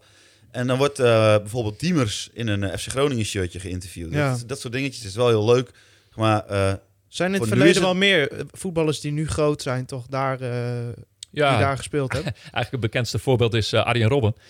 Dat, eh, ja. da- daar is toen helemaal een nu eh, 200 meter bij vandaan. Ja, ja. het, dat, ja, daar is toen helemaal en nader voor eh, bewogen dat hij nog een avondje mee kon doen. Hè, want het was eh, destijds ehm, eh, zat hij al bij het eerste elftal en ja, moest met Pinksteren. Maar goed, hij zat natuurlijk ehm, een beetje in een eh, belangen... of ja, hè, moest een beetje afwegen van wat is nou belangrijker, dat Eurovoetbaltoernooi of eh, het eerste van Groningen. En toen was de openingsavond nog in het Oosterpark. En eh, ja, toen heeft hij daar in ieder geval eh, nog, eh, nog meegespeeld. Maar er zijn eh, ja, divers, diverse spelers die, die daar ooit gespeeld Ja, hebben. maar dat maakt het wel, wat het heel tof maakt, denk ik ook, is dat het zeg maar, het is nu leuk, Ja. maar het is ook leuk om inderdaad een soort pin te zetten waar je over tien jaar op terug Ja, kan kijken. over Arjen Robben gesproken? Ehm, die kwam natuurlijk eh, op een gegeven moment terug, de Ja. afgelopen zomer. Baalde jij ervan dat je in dat communicatieproces, dat je daar geen onderdeel van hebt kunnen? Want dat is natuurlijk... Frank Veenhoff had het toen bij ons in de podcast wel een beetje over de heilige graal, zeg maar, Ja. van, van, van de communicatie. Eh, nou ja, nee, ik zat toen net in een fase dat ik eh, hè, natuurlijk eh, zelf mijn verhaal deed dat ik, dat ik net, net weg was. En eh, ja, ik heb, ik heb toen eigenlijk eh, ja, pet, de pet opgezet van, van supporter. Ik eh, geloof dat ik hier ook nog geweest ben die avond Ja. dat het bekend is gemaakt. Hè, dat jullie hadden een, eh, Een livestream. ja, jij, jij, livestreamtje. ging, jij ging hartstikke dronken naar huis. Eh, ja, dat, dat weet ik niet meer, dus dat zou kunnen. Geen idee. En wij allemaal. ja, nee. Nee, het was, eh, was een gezellige avond. Nou, maar baal ik daarvan? Nou, nee, ja, nee, niet direct. Nee, dat, dat was op dat moment gewoon weer de, de realiteit. Ja, het klinkt heel saai misschien, maar nee, dat is niet zo... Misschien eh, is het zelfs nog mooier om het als supporter mee te maken. ik, vond, ik, die vond het, verrassing. Ja, dat, ja. Dat, dat, want anders had je het natuurlijk al drie weken geweten. ik vond wel heel mooi dat, eh, hè, dat er een link zat met eh The Last Dance, hè, de documentaire over, de, over Michael Jordan Ja. en de Chicago Bulls. En dat, dat hij die fragmenten te zien heeft gekregen. Ja. Ja, dat, dat is wel... Dat, Basketbal in het, eh, in het voetbal, daar ben je altijd fan van. Eh, ja, sowieso. ja, ja, basketbal blijft nog steeds natuurlijk ook een hele interessante sport. Dus eh, Jongens, er is ook nog een wedstrijd. Ja, Oh ja. we gaan nog even voorbeschouwen. Aankomende Oh. zaterdag eh, speelt FC Groningen tegen PSV. Eerder dit seizoen eh, verloor FC Groningen van PSV met, 3, eh, of met 0-2. Nee. Of nee, met 3-1 door doelpunten van Gakpo tweemaal en Donjan Maren. Voor FC Groningen scoorde Thomas Soeslof. Eh, PSV, ja, het was natuurlijk de week van de bekerfinale, dus er werd niet gevoetbald. Maar de vorige wedstrijd won PSV met 2-0. Ook door doelpunten van Gakpo en Maren tegen VVV Venlo. Ik denk in de komende wedstrijden die nog volgen voor FC Groningen dat dit de lastigste is. Ja, en eh, ik moet een bekentenis doen dat Cody Gakpo een van mijn favoriete voetballers is. Op moment, ja, Ja. wa- oké, waarom? Ja, ik weet niet. Het is, het is, hij is extreem goed. Zeg maar gewoon ook efficiënt. Maar er zijn weinig voetballers die zo leuk zijn om naar te kijken in de Eredivisie als Cody Gakpo. Dus heb je ook wel veel PSV eh, gekeken het afgelopen Ja, redelijk, seizoen? redelijk wat. Ik moet zeggen, dit seizoen minder dan ik andere seizoenen kijk. Eh, mensen die vaker luisteren weten dat ik meestal drie à vier Eredivisie-wedstrijdjes op een dag meepak. Maar ik moet zeggen dat ik bij de topclubs altijd zoiets heb van... Ik, ik, pak, ik pak altijd het liefst affiches, zeg maar eh, een, een degradatieaffiche. Bijvoorbeeld een, een Emmen Fortuna, daar, daar heb ik echt zin in. Maar als PSV thuis tegen Willem II speelt maar- of zo... dan denk ik van ja, dit wordt gewoon 2-3-0 En en, da- dan... da- daarnaast, eh, eh, zeg maar, die plekken 2, 3 en 4, ja, dat, die lopen heel, al heel lang eigenlijk achter ja, niks kijk, aan. als die tegen elkaar spelen, kijk ik altijd wel. En ik Ja. heb Eu- Europa League en zo, kijk ik dan PSV wel. Maar nee, het is niet dat ik, eh, als ik drie wedstrijden in een weekend kijk, dat ik dan voor PSV tegen een rechter rijtje club ga zitten. Maar zouden ze bij Groningen een, een, eh, een antwoord hebben op de 4-2-2-2-2-2-2? ja, van uh, Rocker Schmid. Zoals door PSV ooit aangekondigd als een combinatie tussen Pep Guardiola en Jurgen Klopp. Goed zeg. maar ja, die gaan wel winnen van Groningen. Ehm, nou, ik zou het echt, eh, het zou precies in dit seizoen passen als we daar ineens ja, winnen. want eh We, al, Matusiwa is weer terug. al weken slecht. En dan zeggen wij hier weer, nou, dat wordt een kansloos verhaal. En dan ineens win je hem wel. Ja, PSV is ook niet in allerbeste doen. Hebben natuurlijk sowieso vrij teleurstellend seizoen. Achterin is het heel shaky eigenlijk. Maar weet je, met, met spelers als, nou, zoals ik al zei, Gakpo, Malen en zo. Ja, dat zijn niet echt spelers eh, 17 goals al maken dit waar, waar seizoen. wij aan, aan, zeg maar, van zeggen van, nou, dat... eh, Maar je kan het natuurlijk wel breder trekken. Hè? Ehm, dus we zitten echt in de afrondende fase van het seizoen. Nog vijf wedstrijden te gaan in het eh, reguliere schema. Waarvan we twee thuiswedstrijden nog hebben tegen Sparta en AZ. En dus drie uitwedstrijden, waaronder dus zaterdag PSV. En dan nog FC Emmen en PEC Zwolle. Eh, Bas, hoe kijk jij eigenlijk überhaupt naar het seizoen van FC Groningen? En hebben de play-offs al binnen? Ja, play-offs zijn wel binnen. Maar ja, ik moet zeggen, de laatste eh, misschien wel tien wedstrijden... Ja, is het, is het wat minder leuk om naar te kijken dan, eh, dan voor de winterstop. Er zitten, zitten natuurlijk allerlei eh, ehm, eh, oorzaken achter. Hè, dat spelers ontbreken. en ja, het is niet meer een geoliede machine als, als voor de winterstop. Maar de, de voorsprong op de rest is nu wel zo groot dat de play-offs wel binnen zijn. Ik ik weet nog, de eerste keer dat, dat wij dus een gast hadden, was jij. Ja, toen moest En ik heel erg om de hete brei heen praten. Ja, dat was heel grappig. Ik heb dat nog een stukje terug zitten luisteren. Op een gegeven moment beginnen we dus en jij zegt van ja... Je had vooraf al gezegd van ja, ik kan in principe vrij praten, maar over spelers en zo. Dat vind ik, Klopt. en het eerste wat Maarten Sipo aan jou vraagt, Ja. Bas, wat vind jij nou eigenlijk van Roestic? Ja, ja, ja, ja, precies. En, en toen zei hij ook letterlijk van eh, ja, weet je, kijk, dat zijn al van die dingen waar ik eh, ja. Ja. beter mijn vingers niet En aan wat kan vond je van Roestic? Wat ik, wat ik echt van Roestic vond. Ja, ik vind dat een geweldig kereltje. Sowieso. En ik snap wel wat, wat supporters eventueel op zijn eh, hè, eh, misbaar eh, tegen hebben of hadden. En Dat, dat heb ik misschien toen ook wel gezegd. Maar dat hij eh, de, de, ja, de potentie heeft om een stap hoger te kunnen maken, dat was, was wel duidelijk. Eh, Nou ja, net zo goed. Maar goed, hij speelt er niet meer, dus maar nee. hoe, hoe doet hij het überhaupt? eh, ik in volg dat Duitsland? helemaal niet. ik heb echt geen nee, idee. we hadden ooit een idee om zo'n rubriekje toe te voegen. Ja, eh, ja. wilden we van eh, de Feyenoord-podcast Kan Geloel gaan jatten. Die hebben Bakens in de Verte, heet dat. En Oh. dan hebben ze elke week... Maar Nou kijk, ja, het vind wat dat mooie betreft, bij... dit hele concept van deze podcast is van Kangaloo gejat. In principe, eigenlijk is deze hele podcast terug te traceren op Kangaloo inderdaad. Omdat zij de allereerste clubpodcast waren. Maar ik vond hun eh, bakens in de vette. Dat het mooie is, bij Feyenoord heb je een paar van die... Van Ja. die bijvoorbeeld Kai Ramstein. Die ja, speelt ja. dan op het tweede niveau van Noorwegen. Ja, Heerlijk. als die twee keer scoort, dan heb je een geweldige rubriek. heerlijk, ja. Nee, Ja. Dat, en- Kijk, en- dat alle ex-FC Groningen spelers in de wereldtop terechtkomen... kunnen wij ook niks aan doen Nee, dat natuurlijk. klopt. Beetje saai. Maar er zijn er wel wat paradijsvogels eh, te vinden trouwens hoor, Ja. van, eh, van Groningen. Dus dat, misschien is dat nog eens een keer een idee. Eén keer in de maand eh, om een keer een mooie paar eh, gasten op te bellen. Ah, Roestic is trouwens acht wedstrijden gespeeld dit seizoen. bij Frankfurt. Maar goed, we hadden het over PSV. Ja, PSV. Soeslofje hè?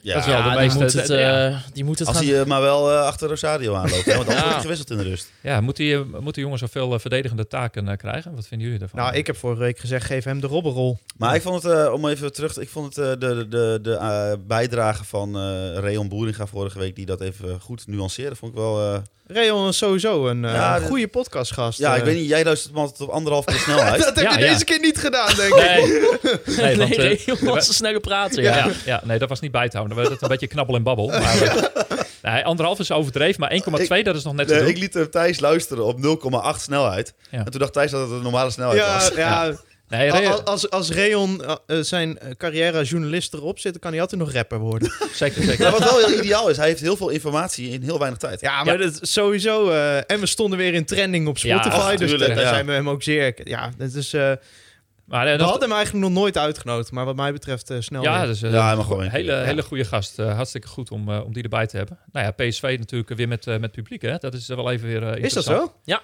ja, Ja. dus 4000 man eh, in het stadion. En, Competitievervalsing. en daardoor eh, Nou. begint eh, de wedstrijd ook om kwart voor zeven. Om maar eens even de huishoudelijke mededeling te doen.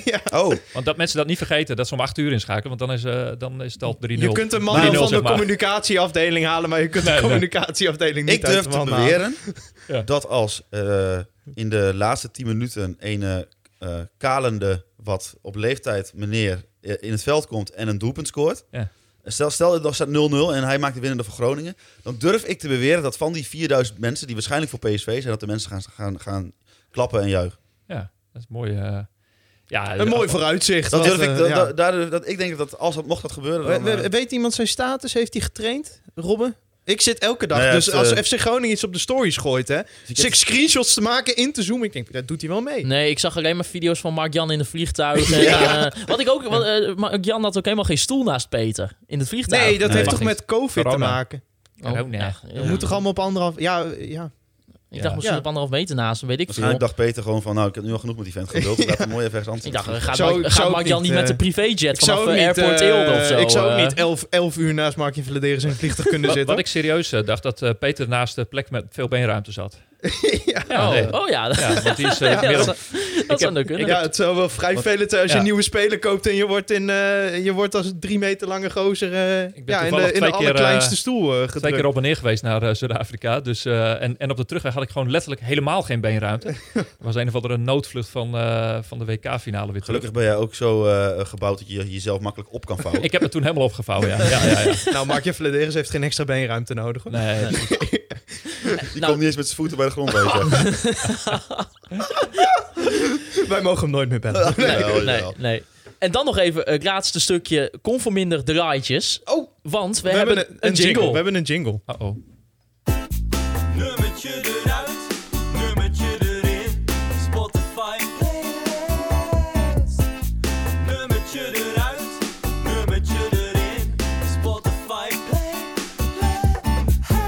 Wat een jingle. Wat een jingle. Wat Wat een jingle. Eh Hols, vertel even wie heeft deze jingle gemaakt. Deze jingle is gemaakt door eh, Joris Hoekstra. En eh, Joris heeft ook de Minuutje van Michiel jingle gemaakt. Ja, En eh, om meteen maar met de... eh, moet jij dit nog introduceren verder? Want anders Ja. pak ik hem alvast over. Maar... Ja, Ja, dit, het is nog steeds een proefballon, Ja, hè, de- deze rubriek. ja, we gaan hem uitbouwen. dus we weten niet of hij blijft. Ik, Ja, ik ben, blij- ik ben zelf eh, ben ik nog niet uitermate Maar met deze jingle... Ja, Ja, de jingle maakt het in ieder geval wel beter. Maar in ieder geval in conforminder draaitjes gaan we elke week een nummer eruit halen van onszelf. Die we er eerder in hadden gestopt. En voegen wij een nieuw nummer toe. En Ja. natuurlijk is er ook ruimte voor een nummer van de gast. Hols, welk nummer haal jij eruit? en Ja, ik haal even dat doe nummer van? Bukkers eruit, want ik denk dat de meeste Noorderlingen die luisteren... Ja, sorry, eh, B-Trip, die is wel heel erg fan van Bukkers, maar die haal ik eruit. En ik ga er dus een liedje in doen van eh, De Formatie. Ja. Want dat is niet per se eh, heel gek, want Joris Hoekstra is namelijk lid van De Formatie. En hij heeft deze jingle eigenlijk gewoon gratis voor, voor ons gemaakt.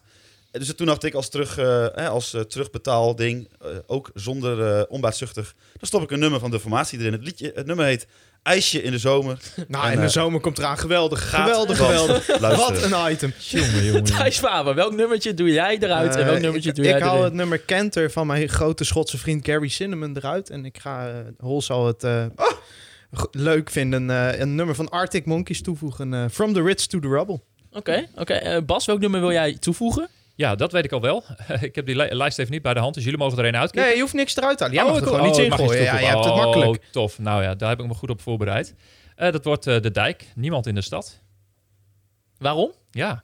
Eh, ja, ik had de keuze Vind tussen... ik ook een heel eh, goed nummer. Bas. Oasis stond er volgens mij al heel veel in van, eh, Ja. van Thijs. En dat was, eh, nou ja, toen ik eh, zeg maar twintig jaar geleden eh, muziek luisterde, vond ik dat ook wel, eh, wel aardig. Maar eh, ja, de dijk ben ik heel vaak bij geweest in de Oosterpoort. Ik dacht, er moet even wat Nederlandstalig in. En ja, natuurlijk ook het thema van het afgelopen jaar. Niemand in de stad. Nee. Ja, heb je Ah, hem? mooi. Nou, volgens mij Ja, Maarten alleen maar Nederlandstalig. Maar dat is niet waar. Nee, dat is niet helemaal waar. Maar ik vind wel dat ik echt enorm uit toon val met wat er eh, voor de rest in de Jij hebt de staat. af. eh, Vond je dat leuk om ja, dat te ja, ja, luisteren? echt heel erg leuk. Ja, ja, ja. Zeker. Gewoon, dus Maar jij, ook, zij vindt dat het wel door moeten doen. ja, ja, want het heel is mee, nog eh, steeds een proefballonnetje. Ook met Nee. het nummer van Reon Boeringa, want die, die heeft eh, flinke techno erin. Ja hoor, prima. Ja, Ja, Ja, maar dat Reon, maakt het, eh, uitewordt het zeg ja. maar een hele rare eh, mix van Ja. nummers. het wordt een hele Daarom mooie ga mix. ik zelf ook een beetje kijken. Ik ga niet per se mijn eigen muziek constant erin doen. Dan ga ik ook een beetje van beetje wat ik tegenkom Ja. of zo, weet Ja. je wel, erin gooien. Nee, mee doorgaan vooral. Nou, Nou ja, ik hou zelf dus, eh, nou, zoals de mensen misschien wel hebben kunnen zien wie het toevoegt, eh, voeg ik echt alleen maar eh eenzijdig hip-hop muziek toe. En deze week haal ik Big Two eruit.